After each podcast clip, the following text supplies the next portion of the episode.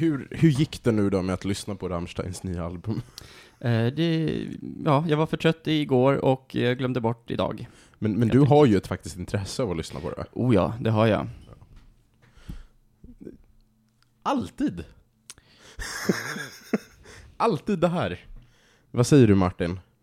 Jag säger att jag tycker att de två singlarna jag hörde, eller singlar, inte, är det singlar? Eh, ja. Ja, de njöt jag väldigt mycket av. Men, men hur många människor som du rekommenderat det här till har faktiskt satt sig och lyssnat på det? Nej, det var inte jag, det var Johan som rekommenderade det till mig utan att ha lyssnat själv låter det som. Ja, Är det, är det så cirkeln har gått? För du rekommenderade till mig och jag kommer ju inte lyssna på det. Men, men, men då, då är det alltså Johan som är källan. Yes. Patient Zero. Jajamän. Det är jag. Elsa, lyssnar du på Rammstein? Nej. Det ser ut att vara ganska långt bort från det du vanligtvis Ja, lyssnar jag, på. vet inte, jag tror jag lyssnade, när jag gick på kollo så hade vi disco och då spelade de Rammstein ibland. Måste bara kolla så att de faktiskt släppte För att det var också, någon där som var jättetaggad. Du hast? Ja, precis. Då hast. Det är den enda Rammstein-låt jag har hört tror jag. Oh boy. Oh boy. Ja, ja, jag... jag, jag De har faktiskt inte släppt senaste albumet, åtminstone inte på eh, eh, Spotify. Okej. Då är ni inte ens sena med. Nej. Kan ni ta det Jag ska, jag lugnt? ska, jag ska kolla upp... Eh, Ska med dig du pratar nyheter för en gångs skull. varför inte? Det, det är så nytt att det inte har kommit ut än. Vad var det? Det var, det var, någonting, det var någonting vi snackade om medan vi preppade mickarna. Va? Ja. Jag vet att Johan ville berätta någonting. men det hände. 17.05. Så om en vecka kommer den ut. Mm. Dun, dun, dun, dun. Nej, jag, hissmusiken, eh, jag, det står helt still. På tal om hissmusik, Ja, kan jag ju säga det att, eh, fan, nu om några dagar, eller kanske idag, jag har inte, jag har inte riktigt fått eh, klarhet i det ännu, så kommer single play-läget till den nya Hearthstone-expansionen ut. För ja. de som fortfarande spelar Hearthstone är detta kul. Hissmusik. Varför finns det single player-läge? Ja, det finns många single play-lägen i Hearthstone. Det finns så här olika små äventyr då man spelar mot ja, olika bossar med speciella spellägen och så låser man upp coola kort och grejer. Jag Tror tycker det du- är nice. Trodde det bara var så här play versus player. Alltså det, det det typ gör, single play-lägena, det är att bara distrahera folk ett litet tag så de glömmer hur uttråkade de var på att spela mot varandra. Funkar för mig. Ja, ja men precis. Ja. Nej, Martin, jag, jag dömer inte dig, jag dömer inte Blizzard, jag dömer inte andra som går på det här. Det fungerar. Mm. Är det något annat Blizzard att hitta på nu som är tramsigt? Förutom att Warcraft 3 Remaster fortfarande inte är ute. Eh, Att det inte ens finns ett releasedatum ute? Ja, jag tror inte det. Det Nej, har det väl inte funnits än. Gör mig lite upprörd. Jag, jag, vill, jag vill lägga pengar på en pre-order, men jag kommer inte göra det om jag inte vet när jag får produkten. Rimligt. Mm. Vet, eh, alltså nu, nu är det ingen i hela världen som verkar göra det, men eh, de håller ju på att släppa lite nytt content i Heroes of the Storm då och då. Alltså så här, ja nu pumpar vi ut en ny hjälte, jag bara, ah, kanske man borde spela? Nej. Nej. Jag, alltså jag önskar att jag spelade det, för det är ju kul. Det är bara att det finns liksom ingen annan att göra det med och man blir uttråkad efter en match om man spelar ensam. Men kolla, sista, sista april släppte de Anduin. Ja, just det, men det var ju väldigt nyligen. Ja. Ja, jag vet inte. Jag, jag, jag, jag tyckte om HOTS när det kom ut. Du och jag har spelat lite HOTS tillsammans. Ja, vi har försökt i alla fall. Ja. I den mån du har hunnit. Alltså, Glare. Jag vet inte, jag, jag... Jag har gått från att vara en faktisk Blizzard-fanboy till att bara... Jag försöker bara stå ut med det just nu. Hela Diablo mobil-kaoset förra året har Mm. verkligen lämnat mig så jävla avtänd. Jag är fortfarande taggad, även om jag har gett upp på WoW efter att ha spelat det ett halvår nu på hösten och ehm, slutat spela Overwatch helt, så jag skulle ju fortfarande liksom tagga sönder om de skulle annonsera typ, ja nu släpper vi ännu en expansion till Starcraft 2. När kom Starcraft 2 ut Johan? 2000, eh, kan det varit nu då? 11, 12? Ja, 11. Mm. Men jag är taggad. Mm. Starcraft 2 är nice. Starcraft 2 är jättenice. Jag tar gärna emot Starcraft 3 också, men Starcraft 2 är nice.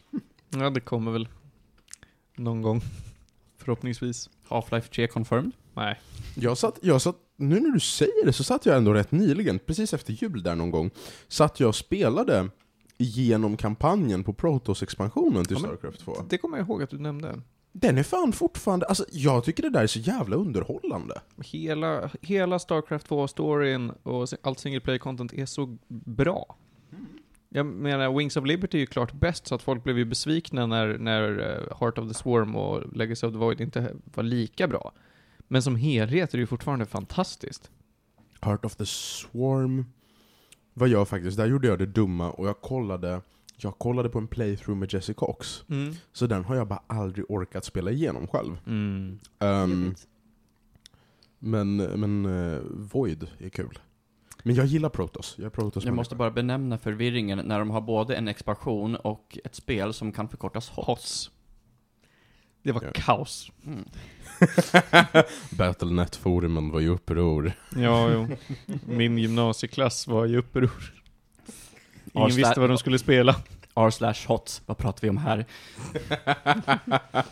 ja. Johan, du har aldrig varit en eh, RTS-kille överhuvudtaget va? Nej. Nej. Du har aldrig spelat liksom, ja, som Command and Conquer eller Starcraft eller Warcraft Alltså eller jag har någonting. spelat eh, liksom lite Age of Empires med kompisar, men inget mer än det. Jag antar att du inte heller har spelat något RTS-spel någonsin Elsa? Nej. De enda spel jag har spelat är Transistor, som jag inte är klar med, och Assassin's Creed. De första två och typ halva trean. Det är typ fortfarande, alltså det, då håller du ändå i överlag rätt jävla hög kvalitet på det du spelar. Alltså Assassin's Creed 1, pror. Nej men, Mm. Framförallt tvåan. Nej, framförallt ettan. nej, jag, Nej, jag, jag håller nej. med om att Jag tvåan är så håller mig för öronen och sätter... Men Alltså- Transistor är också ett bra spel. Alltså, ja, Transistor Assassin's Creed. Assassin's Creed 2 eh, är för ettan, det Warcraft 3 är för Warcraft 2. Det säger mig ingenting. Det vi precis pratade om för Ja. fem minuter sedan. Jag vet ingenting om Warcraft. det är bara bättre. Ja, det, är- det är jättesvårt att gå tillbaka till Ja. ettan efter tvåan. Ja, det kan jag tänka mig. Jag har bara tur Mm. att jag spelar dem i rätt ordning. Ja. Precis som i Warcraft. Verkligen. Så varje gång eh, jag träffar någon som inte har spelat Assassin's Creed, så säger jag spela ettan först. För Mm. alltså, det är ett fett amazing spel när man har spelat det, och sen så när man har spelat liksom, de andra, då inser man att oj, shit, vad clunky ettan är. Ja. Ja, det är egentligen spamma högerklick och sen så Sen så vinner man. vinner man. Mm. Det är så här, parry, parry, parry, parry, död. Parry, Mm. parry, parry, död. Mm. Eh, men det kommer vi mer till sen. Ja, ska vi, ska vi sätta igång det här då? Vi rullar introt.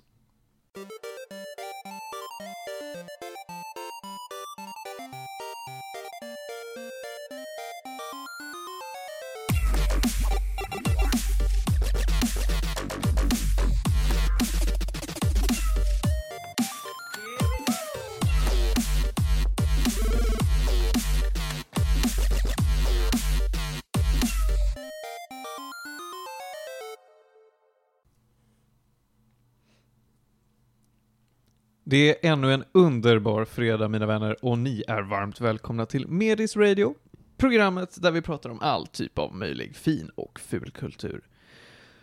Åh herregud, jag är dödstrött idag, men jag tycker att vi ska ta och kämpa oss igenom den här fantastiska timmen i alla fall. Mitt namn är som vanligt Martin Lindberg, nörd kan jag vara idag.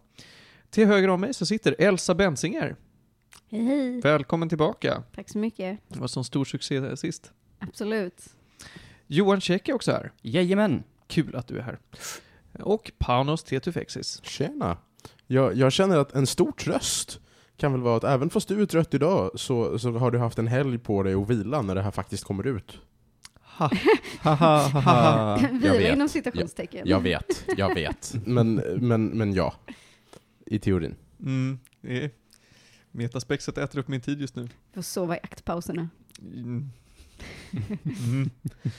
Absolut. Eh, idag så ska vi bjuda på allt möjligt fint och fult. Eh, det blir mest fult, tror jag. Vi ska prata Warcraft 1 och 2 som jag har betat mig igenom. Se hur de håller sig. Hint, det gör de inte.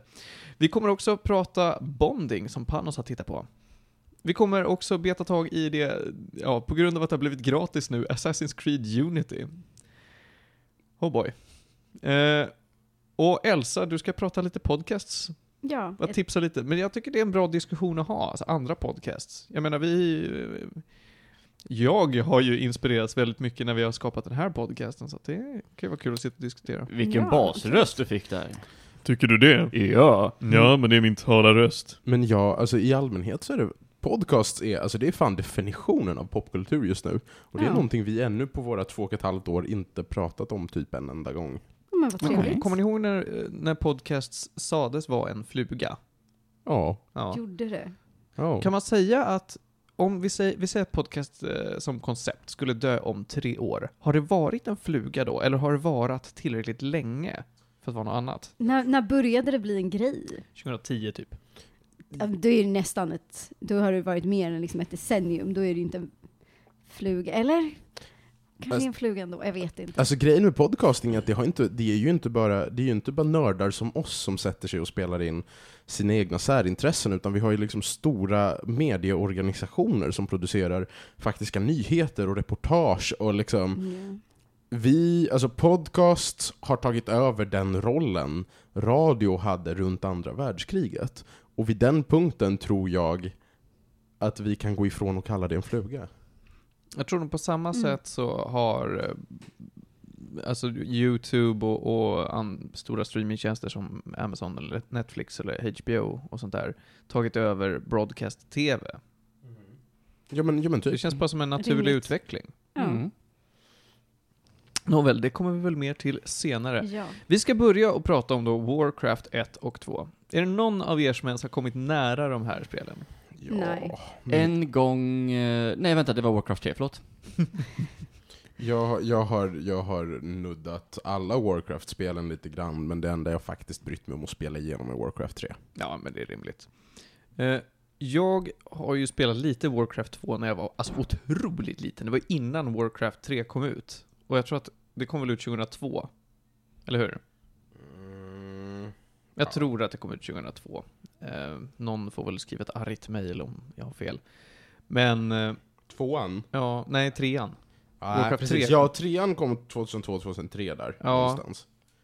Kom, när kom Warcraft 2? Var det så här 95? 95, 96. Ja. Så att jag var inte ens född liksom när Warcraft 2 var, var en grej. Men jag spelade det ändå pyttelite innan Warcraft 3 kom ut. Och jag minns det som så här, ja men det var skitnice. Och backa till det nu, nej det håller ju inte. Med tanke på att de ändå gör ett Warcraft 3 Reforged så förstår jag att det skulle knappt gå att göra ett Warcraft 1 och 2 remastered. För att det finns så lite substans. Kan du för mig som är väldigt oinsatt förklara vad är Warcraft? Vad Det ska jag. man? Absolut, det ska jag förklara. Warcraft är en RTS-serie. RTS står för Real Time Strategy. Så att du ser uppifrån på, eh, ja, på, på världen, helt enkelt. Du är ett gudsperspektiv. Eh, det är ett strategispel så att du kontrollerar ett gäng enheter och ett gäng byggnader och så ska du då bygga upp en stor bas och en stor armé och sen krossa dina motståndare som gör samma sak. Trevligt. Ja, så att du håller på och klickar dig runt på en karta och eh, kom, alltså styr dina enheter till att på bästa sätt krossa motståndet. Och bakom det här så finns det ju en eh, story, naturligtvis. Och jag har alltid tänkt att storyn i Warcraft 1 och 2, den är nog rätt viktig. Eh, för att när jag såg Warcraft-filmen så satt jag och tänkte Hå, vad svårt jag har att hänga med i den här filmen. Det känns som att jag borde ha spelat Warcraft 1 och 2, läst en bok och spelat igenom Warcraft 3 minst en gång till för att hänga med. För då var jag inte jätteinsatt i lore och sådär. Men jag hade ändå spelat trean två gånger by then. Oh boy, oh boy. Eh, jag hade nog förstått mer av Warcraft-filmen om jag hade spelat de här spelen innan, men det är så otroligt lite. All story eh, kommer sig bara mellan banor. Och det är i briefings mellan missions. Det finns per spel, tror jag det är, 15 30 nivåer. Och all, allt, alltså alla grejer du gör i varje uppdrag är basically eh, döda alla motståndare på kartan. Finns några få undantag. Och då, när du ska briefas inför varje uppdrag så säger de att ah, nu har du kan spela som antingen, ja det har jag inte sagt. Du kan spela som antingen människor eller orcher. Det är därför Okej. första Warcraft heter Warcraft Orcs and Humans.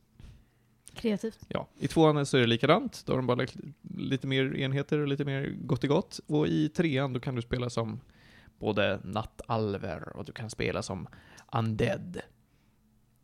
Och som naga. Hihi. Nåväl. I alla fall då, så i de här briefingsen så är det oj, nu har orcherna kommit och tagit den här staden. Eh, och din commander är arg. Nu ska du gå och slakta det här stället. Och det är så här, ja, jag känner till namnen, jag känner till namnen på personer och på platser. Och någon blev arg, det var ett krig, någon förrådde någon. Men det är väldigt lite substans. Så att jag klarar mig egentligen utan att ha spelat de här spelen. Gud vad, vad segt det är. Jag pratade ju för några veckor sedan om Command and Conquer. Kommer ni ihåg det? Mm. Mm.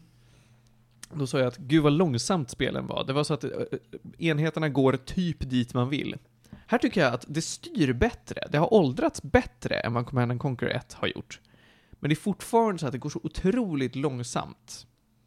Och du kan fortfarande, du kan ma- max i Warcraft 1 markera fyra enheter samtidigt. Det är jättelite. Det är otroligt lite, så att du får ha kontrollgrupper för allting och sitta och hamra på ditt tangentbord. Och det var lite segt. Annars så känns det mest som att ja, det finns väldigt lite att göra. Det, det var bara så det var på den tiden. Men, men det, här är, alltså det här är ju ändå rätt typiskt för, för Blizzard. För att, för att det är ju, Command and Conquer var, det var, de, det var det de tävlade mot med Warcraft. Och, och så jävla typiskt för Blizzard är att bara ha gått in i en genre och bara gjort det bättre. Ja, absolut. Och det lyckades de med. Så att det fick en uppföljare i form av Warcraft 2, Tides of Darkness, som också fick en expansion. Och där kunde man ju också spela över nätet. Mm, Ja, så det blev populärt. Jag Just. kommer inte ihåg vad som kom först faktiskt, om det var Warcraft 2 eller Starcraft 1. Eh, Det känns som att de kan ha varit typ samtidigt. nästan. Ja, i princip. Ehm, och, och då, ja okej, Starcraft kom lite efter, men, men poängen är, För dig Elsa så är Starcraft Warcraft fast med aliens. Rimligt. Men, men, men det, som är så, alltså det som är så magiskt med Starcraft Mm. är dels att det skapade den här Battle, Battlenet-communityn, och då var Battlenet en gång i tiden, det var alltså webbforum där folk satt och pratade ihop sig om olika ligor och liksom skapade turneringar. Och, eh, och det är e-sportens liksom gammelfarfar. Och jag kan fast med säga att Starcraft 1 har en mycket bättre story och mycket bättre gameplay än vad Warcraft 2 har. Ja, Mm. vilket är varför folk obsessade över det. Ja. Nåväl, i alla fall då, så det märks att de har hottat upp sig lite grann. I Warcraft 2 då gör man lite coolare grejer och sådär. Det, finns- det ser lite finare ut och styr lite bättre. Men jag rekommenderar helt enkelt inte det här till, till någon egentligen. Alltså kanske för nostalgin. För de som har spelat det som unga, men kanske inte så unga som jag var. För jag så, har ju bara en, en vag bild av det. Jag har inga minnen av att sitta och spela det och tänka på vad jag faktiskt gör. Alla banor jag kör det här liksom, det följer som att jag aldrig har sett det förut. Jag bara vet att jag har spelat det och tyckt att det var nice. Så att, ja, vad ska jag säga mer? Ni behöver inte köpa det här, men om ni vill göra det så finns det på GOG. Förhållandevis billigt, kostar en hunka för båda två. Det är nice.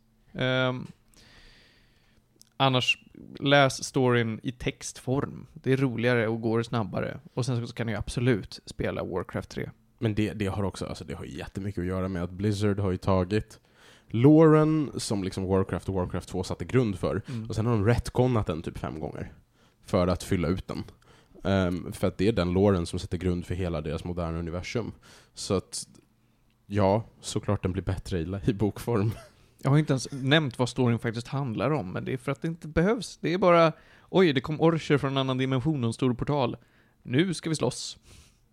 Jag tänker att har man, har man vid någon punkt nuddat World of Warcraft i sitt liv, då vet man redan i princip allt. Ja, i princip. I princip. Det är liksom inget nytt. Så att jag tycker att vi lämnar Warcraft där. Det får av mig att om jag ger båda spelen ett betyg tillsammans, typ in, knappt fyra gäddor av tio. Mm. Ändå. Ja, ja men alltså, Jag höll på jag att gå- vill ju ha respekt för det typ. Jag höll på att gå raka motsatta riktningen. Va? Bara fyra? Johan är nöjd. Ja, men alltså, jag, Alltså- hade, jag hade ju knappt kul. Ja men liksom, eh, ändå för, ändå liksom klankig hur du inte rekommenderar det och ändå att den får fyra, det är såhär, ha, ja, okej, ja. Och jag, jag säger inte emot. Ja, Ja, det nej, kan men- du nej, inte men- göra, jag har inte men spelat tror de här. Jag vill ju inte ge den fyra, den får tre och en halv, säger vi. Eh, För det är ändå kul att titta på, man kanske, det finns ju någon typ av glädje det. Har ju varit bra en gång i tiden så att... Vad ville Panos sätta för betyg på den? Nej men jag kommer inte, jag kommer inte ge jättemycket högre till de tidiga Warcraft-spelen för att jag har inte ens haft tålamodet att ta mig igenom dem. Ehm, det, det är bara, jag vet inte, det känns, det känns sorgligt att vi har nått en punkt där Warcraft och Warcraft 2 får en fyra. Bara på grund av ålder. Jag är så rädd för vad jag kommer tycka den dagen då jag spelar igenom Ocarina of Time. För jag tror inte att jag kommer uppskatta det. För jag är så jävla Fortfarande otaggad. ett fantastiskt spel. Ja, jag förstår det. När spelade du det sist Johan? Eh, sist var ju faktiskt i julas. Shit. Yes. Jag tänkte plöja igenom eh, hela spelet, men uh, visade sig att jag inte hade så mycket tid som jag trodde att jag hade, så jag hann inte ta mig igenom riktigt hela. Men eh, fortfarande riktigt nice spel. Mm. Just det, påminnelse om vår vän Petter från förra avsnittet som kör en eh, Peter. ett T för mycket. Eh, som kör, eh, vad är det, han ska köra playthrough av alla spel på stream, eller hur? Yes. Han hade tagit sig en bit in. Mm, han var på Majora's Mask. Soft. Och det är ett spel efter Ocarina of Time, om det inte kommer någonting däremellan. Kanske inte gjorde då, nej. Då så. Eh, vi går vidare, Panos. Du ska prata om något helt annat. Du har sett en serie. Ja, herregud. Ehm, jag har... Vänta! Jag kom precis på att jag också har sett den här serien tror jag. Kanske. Mm, mm, Heja! mm. Så, så här, jag har bestämt mig för att eh, jag hatar mig själv.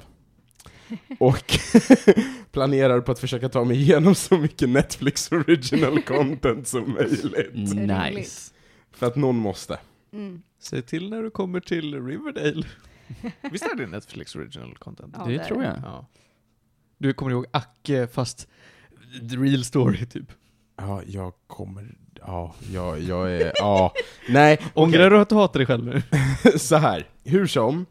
Så igår så såg jag den här, den dök upp på min så här, typ recommended, Bonding, den har varit lite omtalad. Det är en väldigt kort serie. Ja. Det är sju avsnitt på en kvart var. Japp, jag har sett den här serien. Ja, du har sett den här serien. Mm. Och det, det handlar om vår, vår huvudperson som är en homosexuell kille i New York som av sin bästa vän från gymnasiet blir inhasslad i att vara dominatrix assistent i en BDSM-verksamhet. Det här låter helt fantastiskt. Mm. Fråga mig inte menar- varför. Ja, jo. Så här, det som verkligen, verkligen räddar den här serien är att avsnitten är på en kvart. Mm. Va, va, vad säger du Elsa? Va, vad var din ursprungliga tanke när du kollade på det här? Alltså, jag var underhållen. Mm. Jag såg igenom hela, alltså på en morgon. Det var typ såhär, jag skulle plugga efter och bara, "Nej, men jag hinner se de sista två avsnitten, för det tar bara en halvtimme typ. Eh, och det var liksom, det var en good time. Sen om, om man börjar analysera den för mycket, då, då faller det ganska snabbt. Men den är, den är liksom rolig att, se. Ja, det är typ, alltså det är typ, det är typ det som är hela grejen med den. För att den innehåller, obviously, någon form av fönster in i BDSM-världen. Vilket den gör jättedåligt. Japp. Det är extremt misrepresentative. Ehm, jag ska inte säga att de inte har gjort sin research, de har bara inte lagt någon vikt vid att göra det på allvar. Ja. Eh, Så att, så att även fast BDSM ska vara ett centralt element så agerar den mest som liksom comic relief. Ehm, som sagt, det är underhållande. Eh, det är han huvudpersonen, vad heter han? Pi... Nej, vad heter han? Jag är jättedålig på namn. Petter. Nej, det är inte Petter. Det är faktiskt inte Petter. Ehm, Han från Mad Men. det är, herregud, eh, vad fan heter han? han? Han heter Pete. Han heter faktiskt Heter Pete. han Pete? Ja, han heter faktiskt Pete.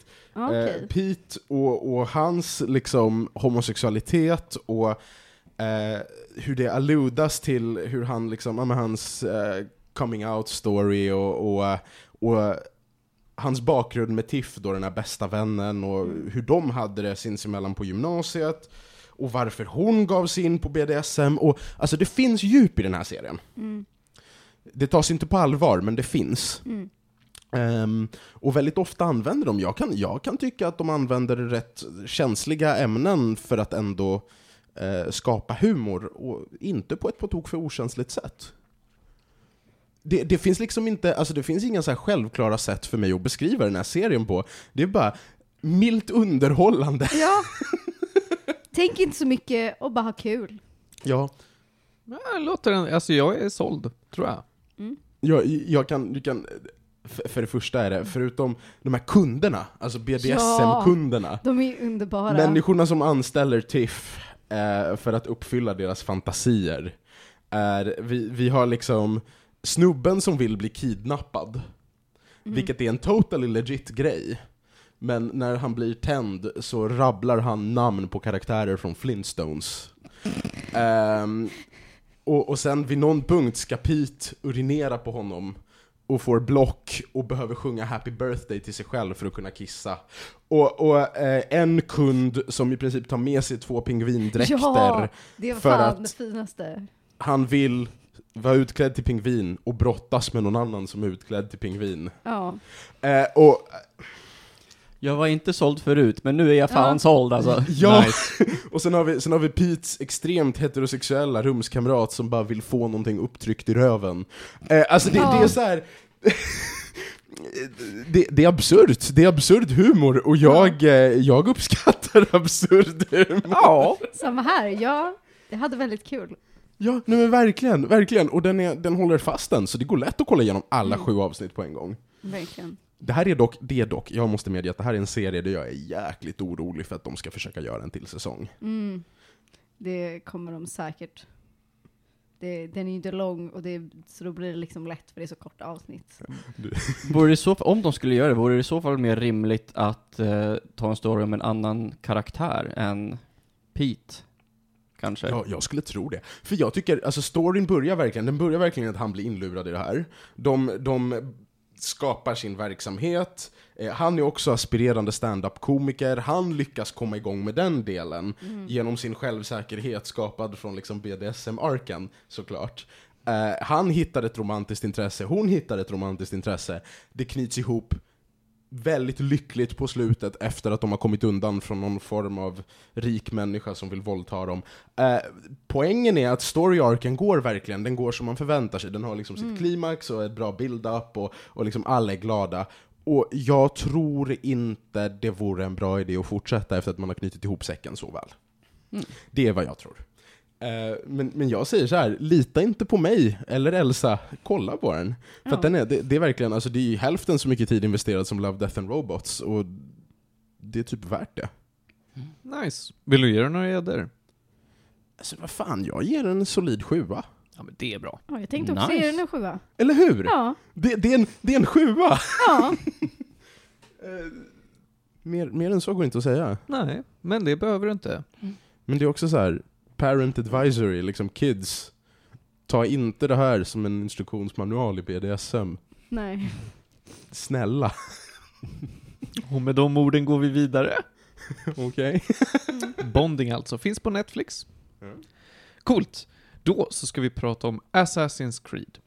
Vi har ju redan touchat lite vid det idag för att vi kan.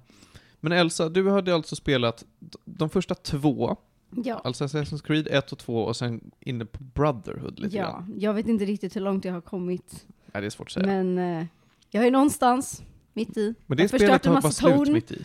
Det är, Mm.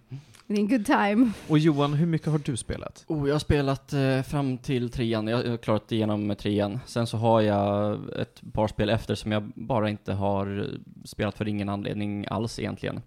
Och innan vi börjar komma in på Unity, eh, så vill jag fråga Elsa lite grann om, om eh, Brotherhood. Eh, hur långt, alltså du har kommit till, till ungefär mitten, Jag vet inte. så att du kan börja rekrytera i alla fall. Ja, jag har börjat rekrytera folk. Jag har, jag har massa, massa kompisar som springer kring och gör saker åt mig. Mm. Eh, När när jag spelade Brotherhood så tänkte jag så här, fett nice. Jag, jag eh, tänker att ja, men jag ska försöka liksom eh, eh, försöka ha ett band av fett badass eh, liksom tjejer i, i mitt team. Och det är så jävla svårt att hitta tjejer. mm. Det är typ om du, om du har, eh, om man säger en eh, fem stycken rekryteringsställen, så är det en eller två av dem som är kvinnliga karaktärer som man kan rekrytera. Låter som typical gaming. Men Det här var ju på den tiden då Ubisoft sa nej men vi kan inte ha en kvinnlig huvudkaraktär i Assassin's Creed för vi har svårt att modellera kvinnor. Ja, Ja, precis. åh. precis. Den, den Det fem, finaste argumentet man någonsin hört. Mm. Det är What about all the NPC? svårt eller något. exakt, det fem år långa undanflykten om bröst. Men vad som var så kul är att precis efter de eh, säger det så släpper de ju Liberation. Mm. Det är ett minispel! Eller inte mini, det är bara... En eh, side, uh, vet ja, det är en side story. Men den är, det är fortfarande ett renodlat Assassin's Creed. Mm. Bara inte lika storskaligt. Men det har en kvinnlig huvudkaraktär. Mm. Men det dög inte. Ja, Det var weird. Det var väl först i Syndicate va, som det blev Mm. en kvinnlig huvudkaraktär. Och i Od Odyssey, finns det också. har. Där Men kan inte man i Origin. välja. Mm. Eller är det Origins också? Jag vet inte. Eh, Jag tror inte man kan välja i Origins. Nej. Jag Men i Odyssey kan är man. Syndicate och Odyssey. Jag är, jag är lite så här, det som gjorde mig lite ledsen med Brotherhood. Eh, för att jag brukar, när jag spelade Assassin's Creed fortfarande, då var det första genomspelningen körde jag som jag kör alla spel, det vill säga som Rambo, Mm. bara för att ta mig igenom storyn. Och andra genomspelningen försöker jag liksom faktiskt plocka hem den här 100% och ta Okej. det lite lugnt och vara lite sneaky. Och, och på min första genomspelning insåg jag eh, hur ofta ens liksom followers dog. och det gjorde mig typ lite ledsen. För jag ville ju bygga upp en personlig relation med dem, men inte fan går det. Mm. Men de dör som flugor. Men det går att vara Rambo i det spelet. Jag Ingen av mina har faktiskt dött än. Det kommer. Men det är nog bara för att jag bara skickar ut dem på outside-uppdrag hela tiden för att de ska levela upp. Medan jag typ springer runt och bara, nu restorade jag en bank, nu restorade jag en tavelaffär, typ. Och det finns, det finns den här punkten där man har typ så här ett following på typ 8-10 pers eller vad det är. Mm. Och så går man runt och så är alla strider bara tryck på T för pilar. Allt bara dör. Och så står man där och bara yes, glory. Very nice. Ska vi gå igenom vad Assassin's Creed faktiskt är för spel? Ja, men det kan vi göra. Det är alltså ett third person halp. Ja, alltså jag vet inte om man ska säga att det är en Third action eller äventyrsspel. Men- men det är det är nog mer ett Det är actionspel. nog mer action egentligen alltså. Stealth action. Ja. Eh, du Eller spelar, Rambo. eller Rambo.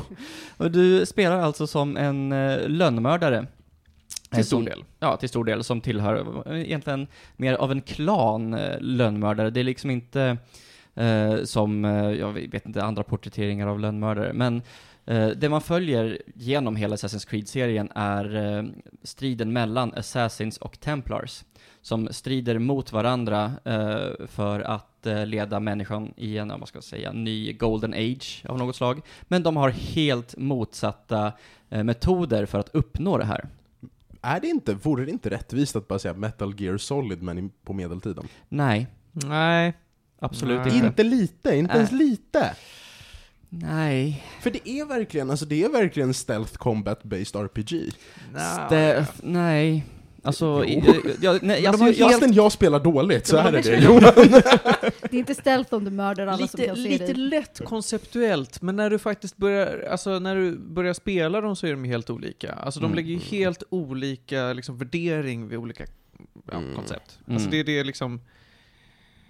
eh, Assassin's Creed handlar om att vara historiskt korrekt i den grad det går liksom. I den grad det går. Mm. de, eh, fram, ti- fram, till, och- fram till eller fram till och med trean kanske. Ja, nej men ja, sure, det är ju såklart Assassin's Creed har faktiskt historiska element. Och de försöker. Mm. Det, det, kan, det, det kan man ju säga, oavsett hur korrekta de är i sina detaljer. Ehm, De Ja, det- ju Det, och det var ju inte så att de karaktärerna man spelar fanns på riktigt Ja, precis. allt det man gör i spelet. precis, i början av varje Ja, spel så bara, Ja. eh, vi har hittat på saker. bara så ni vet. Det står ju också såhär, on events. Precis. Kung Rickard på sitt korståg träffar en lönnmördare som inte dödade honom. Nåväl. Det finns alltså tio spel i den huvudsakliga Assassin's Creed-serien. Eh, och så finns det fy, mm, fem, fy, fyra, fem spin-offs. Det är väldigt många spel. Jättemycket Mm. spel. Mm. Jag Alla de här, alltså det skulle ju komma tre spel som eh, var någon i Ryssland, någon i Kina, någon någon annanstans. Ja, de, de finns. Alla de tre. Finns. Indien, Kina, Ryssland. Indien var det också, ja. Just det. De finns. Ja, jag, bara, jag, jag kommer ihåg när Kina släpptes. Mm. Vad, vad heter det? Assassin's Creed China. Oh, uh, oh, um, oh, det, det här har faktiskt en sån subtitel också. Eh, jag ska tänka på det här. Ja. Det är Chronicles. Chronicles, Creed just det. Chronicles. Jag kommer ihåg när Kina släpptes. Och sen bara hörde jag aldrig om den spin-off-serien igen. Jag hade Mm. hört ett knyst. Ingen Jo. som har spelat det, ingen som är så här. Ubisoft bara 'Kolla in det här!' Hela grejen med att kolla in det här var att de bara nu ska vi producera content som inte är Europacentrerat. Det var de jättestolta över, men är inte de här spelen, vad jag förstått är de rätt små? Och de är väl i 2D också? Mm. Eller två och en halv D. Ja, men två och en halv D. Ja, typ såhär platforming. Mm. Intressant. Eh, vilket, nej. Mm. nej. Och fansen, om, om vi ska gå, gå på det, de har ju verkligen skrikit efter Ja men gör det i Japan, det vore så jävla coolt med en japansk assassin. Bara nej. Tycker inte Ubisoft. Men, Det är vi svårt ska att modellera japaner. Oj, nej, oj, nej. Chopsticks are hard. Ja, typ. You Nåväl, heard me. det vi ska prata om idag nu, Guys. jävlar vad tid det tar. Det vi ska prata om idag är Assassin's Creed 7.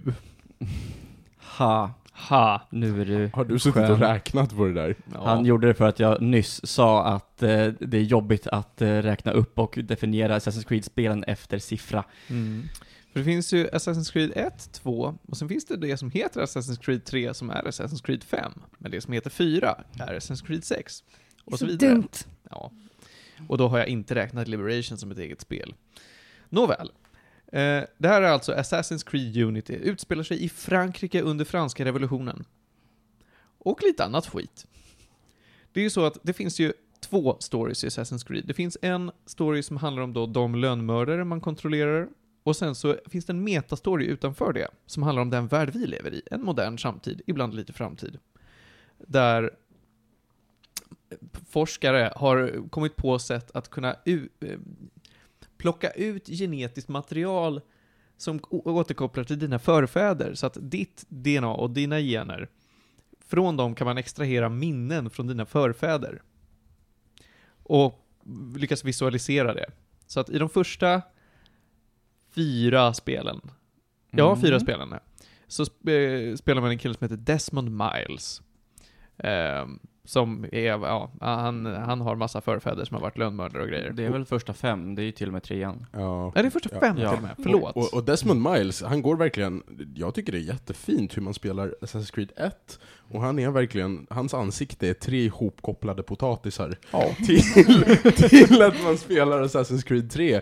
Och de verkligen har lagt energi på att göra även hans story rätt jävla vacker. Mm. Ja, Ja. å andra sidan så bryr man ju sig knappt om den storyn. Med tanke på att du spenderar ju 90% av tiden med att springa runt som liksom den coola Altair Ibn al-Ahad eller Ezio Auditore. Men och helt plötsligt när du bara spelar och har kul så blir du urkopplad från det här och måste hålla på och springa runt som Desmond och göra massa skit. Då kan man inte klättra på väggar och det är jättesorgligt. Jo. Du är bara, du är bara för tidigt i franchise. Ja, du är det, det kommer. Det kommer. Mm. Nåväl. Eh, Så det suger ju. Men i det här spelet då, eller från och med då, när de slutade Desmonds story med Assassin's Creed 3, då så spelar man andra karaktärer som är... Jag kommer inte ihåg om de är namnlösa eller om de bara är liksom... Det är så silent protagonists, du ser det från ett första persons perspektiv. Äh, herregud, förlåt, jag kan inte prata idag. Första persons perspektiv. Ehm, och i Black Flag, då tycker jag att den metastoryn var helt okej. Det, du, äh, jag ska inte gå in för mycket på den, men här i Unity, då vette fasen alltså. Då är det så att du bara får random cutscenes ibland, när någon pratar med dig via en videotransmission och säger saker till dig. Och sen hoppar då, då kont du kontrollerar huvudsakligen en karaktär som heter Arnaud Dorian. Eh, eller du, ja i hela spelet så är det bara den karaktären du kontrollerar, men han hoppar lite i tiden. Ibland så är du i Nazi-Frankrike. Ibland är du i industriella revolutionens Frankrike. Alltså um, ockuperade Frankrike Mm. under, under andra världskriget. Eh, och ibland så är du på då franska revolutionen.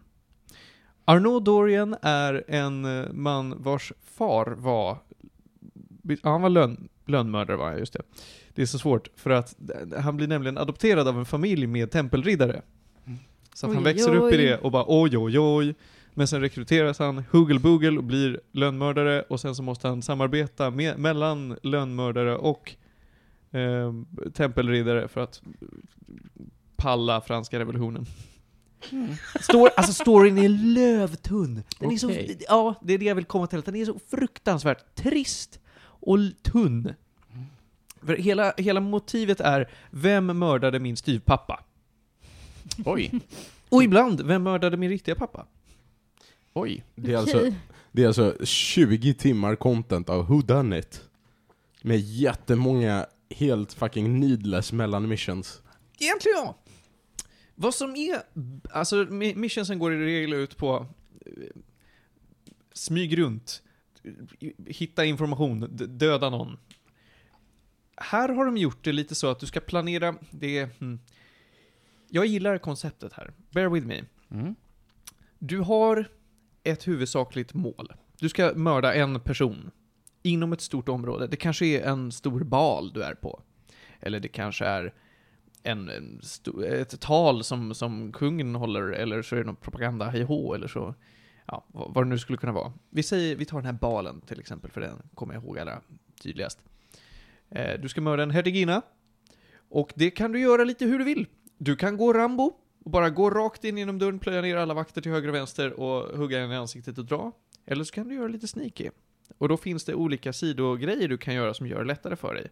Till exempel, eh, så en bit bort så står en köpman vars vagn håller på att bli anfallen av snubbar. Om du hjälper honom att döda snubbarna som anfaller honom så kommer han anordna en fyrverkerishow en bit bort som kommer distrahera en del av vakterna så att det är lite lättare att gå Rambo.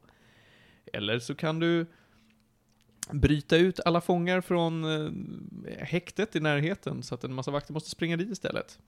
Man kan göra lite som man vill och jag tycker om det konceptet att här är ditt huvudsakliga mål. Hur du tar dig dit, det är lite upp till dig. Det är bara att det är allt som händer av substans och det funkar de första tre gångerna kanske. Men det, form, alltså formen på hur man gör saker är densamma. Du har, precis som du säger Panos, de här två, eller de här små sidomissionerna här emellan som Oj, min flickvän eh, råkade stjäla en luftballong. Nu måste jag jaga efter henne. Eller oj, en snubbe med viktiga papper, papper åker båt. Jag måste simma efter båten. Rimligt. Ja. Och sen då, helt plötsligt bara, "Ja, nu har jag fått reda på vad min nästa måltavla är. Var det den här personen som dödade min styvpappa? Och så dödar man den personen? Nej, det var det inte. Hmm, vem kan ha varit? Prata med någon, gör ett sidouppdrag. Var det den här personen som dödade min pappa? Och så klipper man bara till, från katsin till, nu står han och planerar vart han ska, hur han ska döda sin nästa måltavla. Rinse and repeat. Och med tanke på då att storyn är så otroligt trist, så gillar jag ju inte det här spelet. Om ni inte redan har förstått det. Jag tyckte om Black Flag ändå, för att det fanns massa kul sidogrejer att göra. Men Paris är inte den roligaste stan att springa runt i. Den är ju fin och så. Och det finns, de vill ju skryta med oj, kolla vad mycket NPCer vi har som kan gå själva och bete sig som NPCer borde göra. Och hur gick det? Det går, Ja. men Vart vill du komma Johan? Ja, du, vi kommer till det. Eh, det här spelet fick ju jättemycket kritik när det släpptes för att det var oerhört buggigt. Alltså, inte spelbart buggigt. Första gången jag spelade det här, då var det inte spelbart. Alltså det gick inte att spela det för att det kraschade liksom. Eller så levde AIn rövare. Alltså det var ju, fast det var ju inte, huvudsakligen var det ju inte spelmotorn som mådde dåligt, utan det var ju grafiken som mådde Ja, dåligt. Ja, så var det ju. Den mådde förfärligt. karaktärsmodeller kunde ibland sakna sprites. Eh, eh, väldigt populärt var det att eh, de saknade, alltså själva kroppsmodellen var borta. Men vissa av modellerna på insidan, alltså typ ögon och ryggrad, fanns. Mm. Så att du kunde se ett spagettimonster liksom. Mm. Det var konstigt. Och det, de buggarna finns kvar. Alltså inte alla såklart. Mm. Men det är fortfarande så att jag har stött på mycket AI och NPCer som bara är ett vandrande par ögon. Oh. Eller karaktärer som gör som i Far Cry 2, att de bara studsar iväg. Jag älskar hur, Alla Jag- spel kan kopplas till Far Cry 2. ja men så här, över flera år har Unity alltid kopplats till Far Cry 2 när vi pratar om det. Så är det. Stackars Far Cry 2. Ja. Nåväl. Eh, det är det som eh, var min poäng från början var att de har ju bara pressat in NPC-karaktärer. Alltså det är så fullt med folk att det är jobbigt. Du liksom vad... Varje gång du är på marken så vadar du genom horder av folk. Mm. Och till slut, ja visst, du tittar ju inte på dem som människor till slut. Du tittar på dem som att de är grässtrån som böjer sig för vinden. Mm. Och där du är vinden. Och det är inte imponerande. Alls. Det är, det är bara kladd på skärmen liksom. Noise. Ja, brus. Ja, noise och brus. Det är visuellt brus. Så jag fattar inte riktigt hur de tänkte här. I, ja, I övrigt så mekanikerna är väl de samma eh, som i alla andra Assassin's Creed-spel. Det är väldigt sparsmakat. Du kan springa runt med ett svärd om du vill. Mm. Och det har funkat bra för mig. Det är inte överdrivet svårt. AI är lite bättre så att det inte bara är så att du kan spamma, parera och sen så löser det sig. Utan du kan bli anfallen av flera samtidigt. Så att det är väl det är väl bra mekaniskt, men det är inte så att man blir imponerad. Jag tycker typ, jag tycker typ det är lite orättvis egentligen. Är jag för orättvis? Att, ja, för att, för att det de har gjort från spel till spel, och, och jag tycker de gör det bättre och bättre, åtminstone när vi fortfarande pratar Europaspelen, det är att de försöker bygga upp städer som känns levande. Och, och det ska finnas mycket folk, och folket ska röra på sig, och det ska vara svårt att ta sig fram på marken. För det är liksom så en av världens största städer var på slutet av 1700-talet. Och det, det, jag tycker det boostar den här assassin-fantasyn av att du liksom, du måste använda hustak. Och, och det ska vara jobbigt att ta sig fram. Jag, jag vet inte, jag, jag förstår i alla fall varför de gör så. Förstår du vad jag menar? Ja, jag förstår vad du menar. Och de lyckas ju få staden att kännas levande. Och de, Mm. den är ju väldigt fint modellerad. Det var ju så att ibland så kände jag igen mig för att jag varit i Paris liksom. Jag bara, ja fan, här, den här bron. Det, det, är ju, det är ju just det, jag tycker Unity är ett av de första spelen där de verkligen lyckas få till riktigt levande storstäder. Eh, för att jag tycker till exempel Revelations, som du snart är på väg in i Elsa, Ja. där porträtterar man Konstantinopel på en tid då Konstantinopel var världens huvudstad. Och där är verkligen, NPCs står i klumpar om fyra. Med reglerade liksom, avstånd mellan varandra. Och upprepar samma tre taglines. Och jag tycker att när vi har kommit in på Unity har de verkligen blivit bättre på det. Ah, jag vet inte. Tycker det är för mycket. Men eh, det kanske bara är jag. Ni får väl skriva till oss och säga vad ni tycker. Um, vad var det jag tänkte på? Jo, eh, det, på tal om det ändå, levande städer och grejer, så kommer jag alltid tycka att det är fantastiskt roligt att efter att ha spelat Assassin's Creed 2 och sen ha rest till Florens på körresa och aldrig varit i Italien innan, så hittar jag i Florens. Åh vad så roligt! När vi liksom landar från flyget och kom, åker då, tar bussen, kommer in i stan, jag bara, jag vet precis vart vi är. Mm. Och jag vet precis var kyrkan vi ska sjunga i ligger. Det är bra. Du bara, jag vill klättra upp där. Mm. Ja men när vi gick in i kyrkan, det var ju ett gäng killar i min klass som hade spelat Assassin's Creed Mm. eh, 2. Så att vi gick in och bara Ja det är ju rätt kyrka, men där är ingen taklucka. Det enda som saknas. Så här, ja man kan nog klättra på de här grejerna egentligen. Mm. Det var kul. Det Mm. var kul. Mm.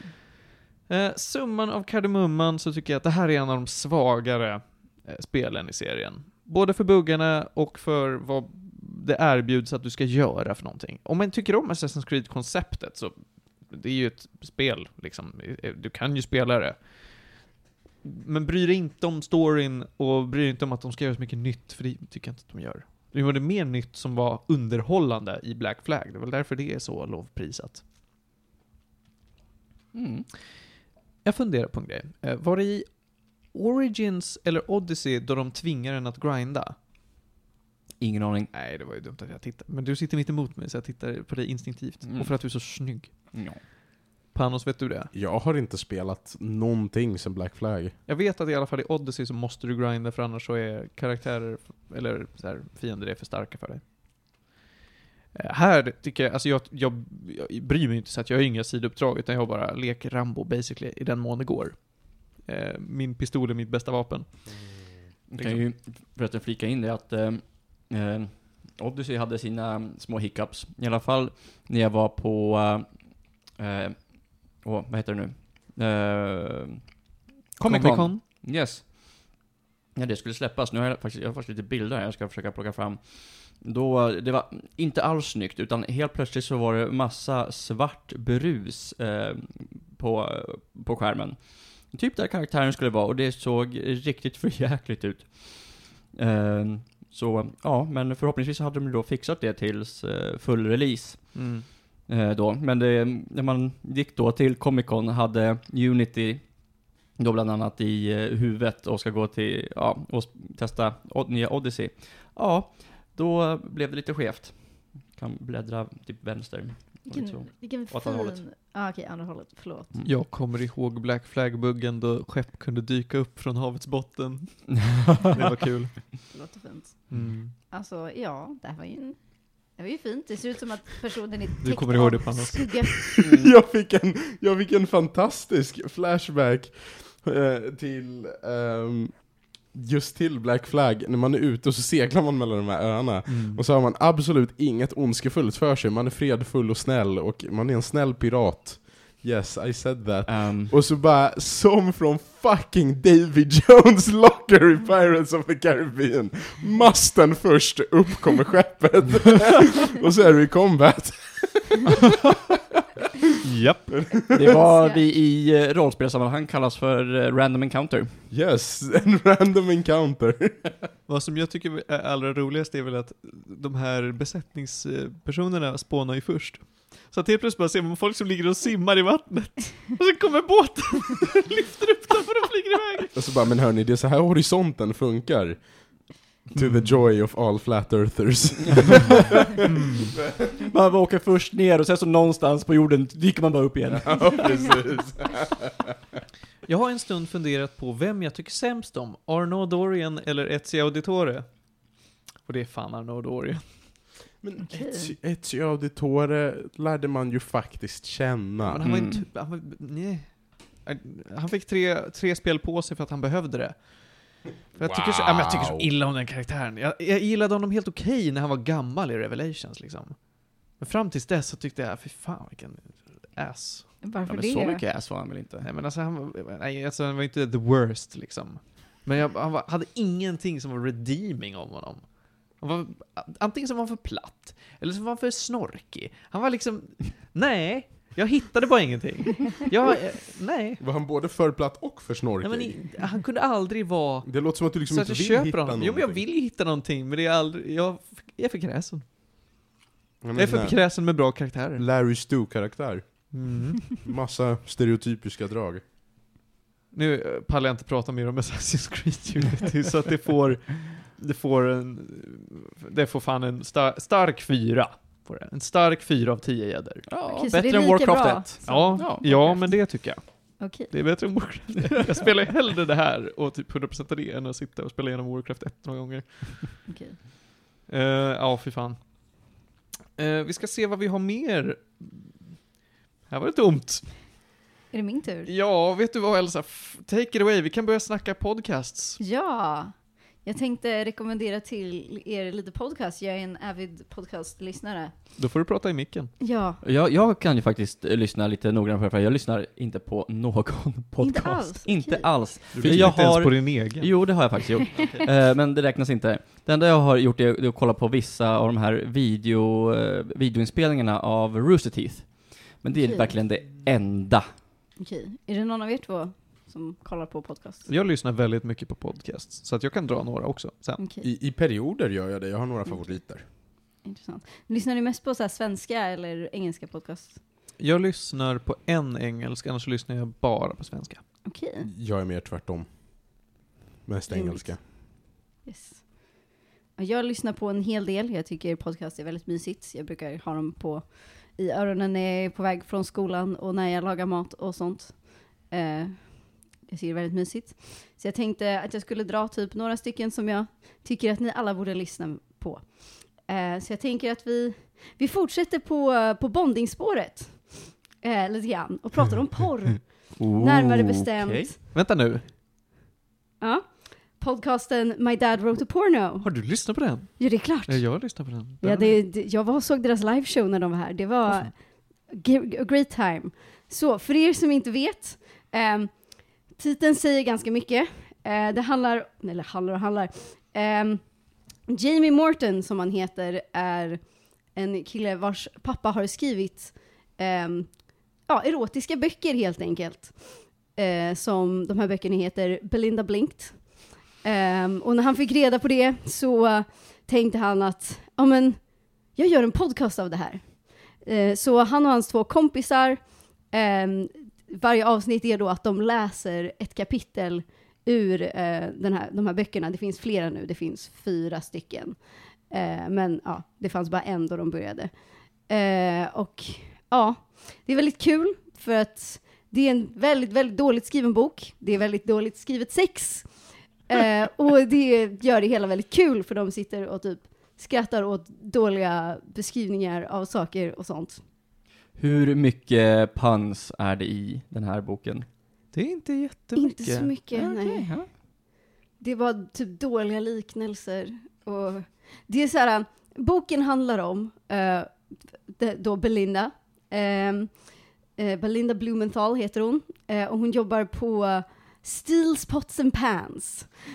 Vilket är ett företag som då gör, ja, kastruller och stekpannor och, och sånt. Ehm, och ja, hennes liv på det här företaget när hon åker ut till olika länder i Europa för att typ prata med klienter och folk de vill ha partnerskap med och, och sånt. Eh, och ja, gör sitt bästa för att de ska gilla henne och så. Ligger. Mycket, Ligger, alltså precis. mycket omotiverat ligg. Väldigt mycket omotiverat ligg. Jag tror att första, i första boken så är det så här, de är på någon typ charity event eller vad det är. Och så är de i typ en, jag vet inte om de är i en labyrint eller vad som händer, men man bara går runt och så träffar de en snubbe som bara är där naken och så bara nu har vi sex! Alltså, jag, jag, jag vet inte, jag älskar, och inte på ett bra sätt, men jag älskar erotiska berättelser med kvinnliga huvudkaraktärer skrivna av män. Ja. För det är en sån specifik genre som absolut ingen njuter av. Alltså man märker ju verkligen att han kan ingenting om kvinnlig anatomi överhuvudtaget. Det, är- det, det är väldigt underbart. Han försöker ju vara väldigt målande. Men Ja. det går alltid åt helvete. Ja. Det, det är underbart. Ehm, Ja. Jag, jag har inte lyssnat så mycket på den, eh, men eh, tillräckligt mycket för att sitta och tycka att ja, det är underhållande. ja, men det är, alltså Belinda Blink är också en bok som är så dålig att den blir bra. Så det funkar ju liksom, konceptet. Och det, det gör det ju extra roligt för att han som läser upp boken, det var ju liksom hans pappa som skrev det. Så det blir extra jobbigt för honom, för han bara, min pappa har suttit och tänkt på det här i vår lustgård, där han har sådana grejer han skriver. Åh, herregud. i vår lustgård. Det blir personligt på helt fel sätt. Pain. Pain. Ja. Men vad mysigt. ja, men den är faktiskt jätterolig. Det, Höguppläsning Det är av porr, det tycker jag om. Ja! Ja, alltså det, är- det är jättefint. Och han, han gör jättefina karaktärsröster till alla karaktärer också, det, som är jättegreat. Eh, Martin ser väldigt pained ut just nu. Panos, Jag har, tänk att ha högläsning av manuset till Swedish Girl Emma. Ja! Oh my. Ja, nej men, nej men så här, jag har också, jag har eh, personlig historia inom höguppläsning av porr.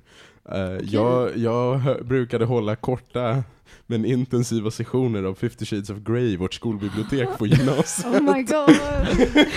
Och eh, Nu får du lite... nu, nu måste jag verkligen lyssna på den här podden. Ja. Bahar som har varit här tidigare har haft högläsning ur Harry Potter erotica på fester. Det är kul. Blessed. Ja men det är kul. Det var, man faktiskt är bra. bra. Det var Efter faktiskt- ett par öl. det var faktiskt kvalitativ Harry Potter-erotika, det är bara att man kan inte ta det på allvar. Ja, nej, jag tror nog Harry Potter-erotiken typ är bättre än det här. Probably. Ja. Okej, vad, vad, vilken typ av rekommendation ger du för det här då? ja, lyssna på den om ni vill ha kul. Mm. Och Om ni gillar porr. om ni Och gillar är porr. 18 eller över. Nej, eh, nu ska vi inte vara såna. Nej. Ehm, Bra Johan. är den, tål den att lyssnas på i bilen? Ja. Huh? Okej. Jag är nöjd. ja. Det här låter som någonting som min mamma skulle kunna sitta och tycka att det är kul. Mm. Men, men ger vi betyg? Vill du betygsätta? Jag vill ge den en stark 10 av 10, för jag tycker den är underbar. Oh. Tio gäddor. Ja. Det är jättemånga. Jag är en väldigt positiv människa. Varför började du med den här då? Okej, men vad, vad, vad följer? Vad följer? Eh, någonting helt annat följer. Jag, nu ska jag prata om en helt annan podcast som heter Oh No Ross and Carrie. Någon av er som har hört talas om den? Ingen inga klockor? Nej, okej. Ehm, det är en podcast som jag uppskattar väldigt mycket för jag är en, jag är en väldigt vetenskaplig person. Jag gillar inte pseudovetenskap. Och det är vad den här podcasten handlar om ungefär. Eh, deras tagline är We show up so you don't have to. Eh, och det är basically då Ross Blotcher och Carrie Poppy, oh no, Ross and Carrie, eh, som går ut och testar en massa saker. Typ pseudovetenskapliga grejer. De, de gick med i scientologikyrkan, de har testat typ flexbelt som är någon form av, du sätter det på magen för att du ska få abs. Och så vibrerar den. Typ, ja, Ja, nej, jag tror att den här gav en elchocker. Åh nej! Såhär, väldigt bra. Har de testat den här, de här bastubrallorna? Nej. Nu ska vi gå igenom... Du får ge dem en rekommendation. Det, det, det, det är väl i och för sig sån här TV-shops Ja, det är eh, TV-shops grej. Ja, och då, är hela grejen att eh, du har liksom på dig typ som ett par byxor och sen så blir det fett varmt och eh, ja, det ska kännas som en bastu du ska få alla bra effekter som om du faktiskt var i en bastu. Men de blir typ bara hyfsat varma. Det blir liksom aldrig... Jag förstår. Elsa, fortsätt. Ja, nej men det, det är väl egentligen hela, hela upplägget. De har, de har gjort massa roliga saker och jag tycker det är väldigt intressant att lyssna på. För de, de går ut, går dit och är väldigt så här, ja men öppensinnade och bara, ja men om någon faktiskt lyckas övertyga oss om någonting så, så, så är vi liksom med på det. Typ så här, de gick och gjorde någon form av så här andningsövningar någon gång som de har berättat om att, ja men det här tyckte vi var väldigt nice, det tog vi med oss och har typ fortsatt göra. Um, de då mest intressanta eh, avsnitten, de har ju en del bara avsnitt, vi testade det här och sen så har de en del längre serier, typ scientologi, som de tio avsnitt av, där de gjorde bara det liksom. Eh, så de jag kan rekommendera att, att lyssna på om ni vill ha så här, the, the, the best pieces, är väl då scientologi, eh, och nu tappar jag tråden här, jag hade en. Jo, just det. De åkte till någonstans i Sydamerika och testade ayahuasca. Mm. Vad för Eh, någonting? Ayahuasca, det är en typ psykedelisk drog ungefär. Oh. Eh, som det, det är mer att man ska få en massa syner och jag vet inte, bli en bättre människa efter det, typ. Så som LSD alltså? Mer eller mindre. Ja. Fast det är mer spirituellt inom citationstecken, det har mer traditioner när det kommer till det, I don't know. Så, som LSD fast bättre? Kanske. Jag träffade en gubbe på Tältapubben som hade testat ayahuasca och tyckte att det var det bästa han gjort. Mm. Okej. Ja. De, eh, en av de senaste grejerna de gjorde för att de lyckades få tillräckligt många typ eh, donationer eller vad det var, var att de eh, drack sitt eget kiss i typ en vecka. Det är också en Ja. in, intressant eh, del av podcasten. Mm. De körde alltså Bear Grylls-metoden? Jag vet faktiskt inte.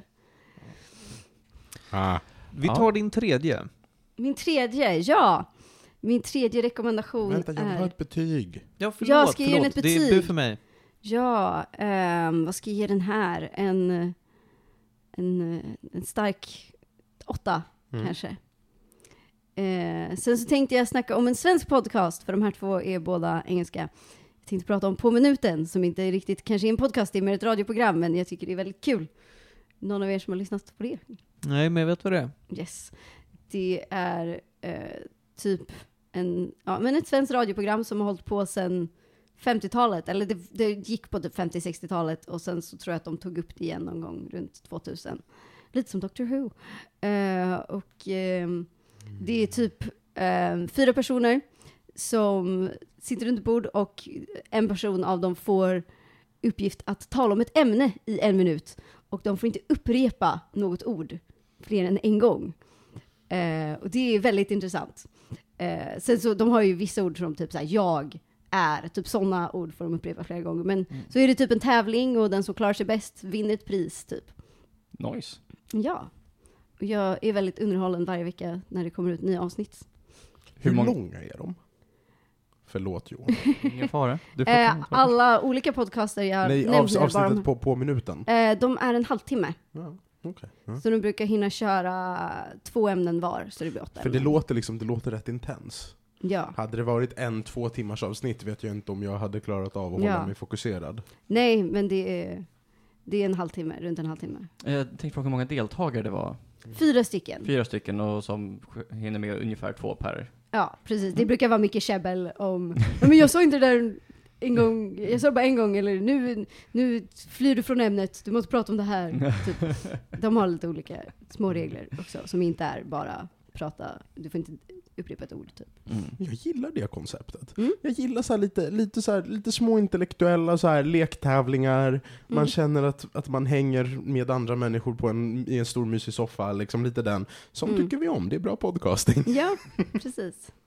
Den är jättemysig. Den får också en solid typ 8, 7, 8 av 10 någonstans där. Mm. Good times. Coolt. Mm. Då tänker jag plocka upp din tråd och rekommendera lite poddar själv och sådär. Ja! Som många kanske vet så är ju den här podden ganska inspirerad av nördigt. Det var det som, de som inspirerade mig att grunda DDT och det var de som deras format jag följde när jag skapade den här podden. Och det står jag för och tycker det är bra och sådär. Nu lyssnar jag inte dugg på dem längre och rekommenderar dem inte heller. Nej men det, jag saknar dig Christian. Du, Hedlund. Hedlund. Mm. Tack. Jag tappade hans efternamn, jag skäms. Jag saknar Christian. På, det, på din tid var det bra. Sen, sen ballar ur. Men i alla fall, så eh, kan man ju lyssna på tidig, tidigt nördigt om man vill. Men det är inte det, det jag ska rekommendera. Det första jag vill rekommendera är en podcast som är avslutad. Den är inte särskilt lång. Jag tror att det bara kom ut typ 10-12 avsnitt eller någonting. Okej. Den heter Fantasipanelen. Eh, och det är eh, David Sundin, han som är ja, en av programledarna i Bäst i test, bland Mm. annat. Eh, som håller en nyhetspanel, då en fyra, fem personer sitter och ska prata om nyheter. Grejen är den att alla nyheter är totalt trams. Alltså det, det, kan, det kan vara allt från att vi ska lägga ner konceptet trams, men flams, det ska få växa fram mer i samhället och ta över typ. Eller Rödluvan har anklagats för att ha våldtagit en varg.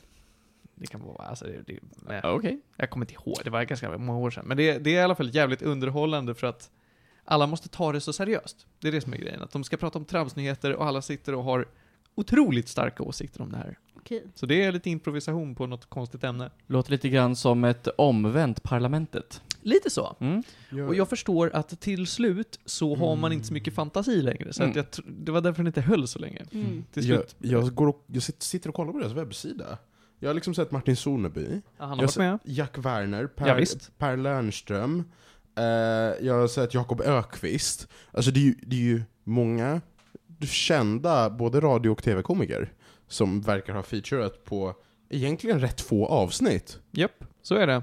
Han tryckte in gott om folk, David. Shit. Ja. För att, för, förlåt, men deras webbsida ser helt jävla förfärlig ut. Oh ja. Eh, så Får jag se? Nej men alltså det är bara, det är bara ett, ett vitt feed med foton, ja, det, det finns liksom ingen... De är komiker, inte medietekniker. Nej, Nej. exakt. Så att, så att så här, obviously är ju produktionsnivån på själva podden mycket högre. Men fan vad coolt! Ja. Jag rekommenderar att lyssna igenom det här om man vill. Det, det, om ni tycker konceptet verkar kul så kommer det flyga helt enkelt. Det andra jag vill rekommendera är eh, en eh, DND-podcast. Oh, vilken av dem alla? Ja, det är en, eh, snarare en Drakar och Demoner-podcast för att det Är är... den svensk? Ja, det är det. Som heter det- Rollspelsklubben. Den hålls av Okej. komikern Isak Jansson. Jag är dålig på efternamn idag. Isak Jansson, som tar in en massa olika, eh, mer eller mindre kända svenska personer och ofta komiker, som får spela rollspel i fyra timmar. Då är det Kul. ett äventyr, fyra timmar, och sen så tar han in nya. Och det är ofta återkommande karaktärer för att en person kommer tillbaka på ett nytt äventyr med sin karaktär. Ibland dör folk. Herregud, Daniel Sanchez och bränning och det är Ja, ju. Hela, hela konkarongen. det är ju komiker-Stockholm. Ja. Eh, vad som också är kul är att Pontus Ströbeck har Mm. varit med. Pontus Ströbeck är en gammal komiker, slash regissör, slash manusförfattare, slash föreläsare. Han har aldrig varit en lyckad man. Eh, men han är pappa till en av mina gamla grundskoleklasskamrater, Paul Ströbeck, som är, ja, han är, jobbar på ENT, ansvarig producent där för mig. Eh, shoutout till dig Paul, för du har lyckats mer än vad Petter, eller Pontus har gjort. Petter är hans lillebror som också håller på att få någon, ja, vad är det han gör? En aspirerande musikkarriär, eller vad fan är det han gör? Den här familjen, de håller på med stuff i alla fall. Och det känns så konstigt att höra sin barndomskompis pappa, som man ändå spenderat mycket tid med, som liksom papparollen för småbarn. Han har Mhm. bara varit en rolig gubbe. Som sitter och säger fruktansvärda saker i radio. Alltså, han, han är ju en underlig man den här Pontus Ströbeck. Och de äggar ju igång varandra så att det är mycket Ja, nu löser vi den här situationen genom att bajsa varandra i munnen eller döda varandra på extremt konstiga sätt. Eller bara supa liksom. Eh, det är en rolig podcast, den är fortfarande igång. De, han är väldigt duktig på att pumpa ut avsnitten här, Isak. Det kommer ett, ett entimmesavsnitt i veckan. Och då är alltså fyra, fyra veckor är ett äventyr. Okej. Och det är nice. Det är nice. Det rekommenderar jag starkt. Eh, det sista jag vill rekommendera är väl eh, inte den största rekommendationen i världen, men Videogame Dunky, Donkey, som ni kanske vet vem det är. Han är en youtuber som pratar om tv-spel för det mesta. Eh, ofta med en så här extremt oseriös ton, som att han, han kan han kan visa footage från ett spel och säga att det är något helt annat. Eh, det är bara totalt trams. Han har släppt en podcast med sin flickvän och ett par kompisar. Det, det är väldigt roligt. Dunk Tank. Eh, där pratar de inte bara om tv-spel, men mycket tv-spel. Det, det är skoj. Om man gillar nonsenshumor. Och det var väl mina rekommendationer. Jag har också podcast. Ja, visst. Ja, Eh, de, dels podcast. så här, obviously shoutout nu för att jag såg på fantasipanelen Jack Werner, Creepypodden. Mm. Creepypodden är solid. Eh, jag har inte lyssnat för mycket på den, men fan vad uppskattad den verkar vara. Och det är Urban Legends, och Urban Legends är ju typ alltså, det mest underhållande jag vet i perioder. Eh, så Creepypodden får en shoutout. Men mina personliga favoriter, och då eh, om vi struntar i P3-dokumentärer. För att jag tycker att, nej men alltså P3-dokumentärer är obviously, alltså jag tycker det är givet vid den här punkten. För de är så jävla bra. Ehm, jag älskar, vad? Finns undantag. Ja sure, det finns undantag men det finns också utmärkta reportage. Ehm, Har du några att rekommendera? Jag har inte lyssnat så mycket på P3 det Dokumentärer. finns bland annat ett reportage jag hade lyssnat på som handlade om atombomberna. och Ooh. utvecklingen av det och, och beskrivningen av liksom vad som gick genom huvudena på de som utvecklade atombomberna och verkligen historien bakom scenerna. Och det är typ två timmar långt och det är ett jättebra reportage. nice. Det, är det, det är det senaste jag kan komma ihåg att jag verkligen uppskattade. Eh, men det var rätt länge sedan. Sen dess har jag inte lyssnat lika duktigt. Ehm, min favoritpodcast genom alla tider är Radiolab. Det blir Okej. inte bättre än Radiolab. Uh, Radiolab är verksamhet bedriven av New York Public Radio. Det är liksom WNYC Studios, de har jättemycket pengar, de har jättehög produktionsstandard. Och det är också precis i samma led som, som du pratade om innan. Det är vetenskapligt och det är gjort på ett kul sätt. nice. Det är jättefina reportage verkligen. Mitt favoritreportage är Patient Zero. Eh, där, de, eh, där de spårar, då, då pratar de, de pratar om var Patient Zero-uttrycket kommer ifrån, vilket är när HIV bröt ut. Eh, Mm. De pratar ju om Typhoid Mary. Eh, Ah. De pratar om eh, ebola. Och de pratar om den första high-fiven. Hmm. I ett och samma avsnitt. Jättebra. Ehm, och Radiolab är för mig en solid nia. Jag vågar inte ge mer till en podcast. Än. Eh, Vi får se när du har lyssnat på My Dad Wrote a Porno. vi får se, precis. Min andra riktigt starka rekommendation, eh, den här podden var, fram tills, fram tills Fresh Air slog den, var den här podden den absolut mest nedladdade podden i internets historia. Det är Serial, From This American Life med Sarah Koenig. Har ni hört någonting om den? Ja, då, ja. Nej.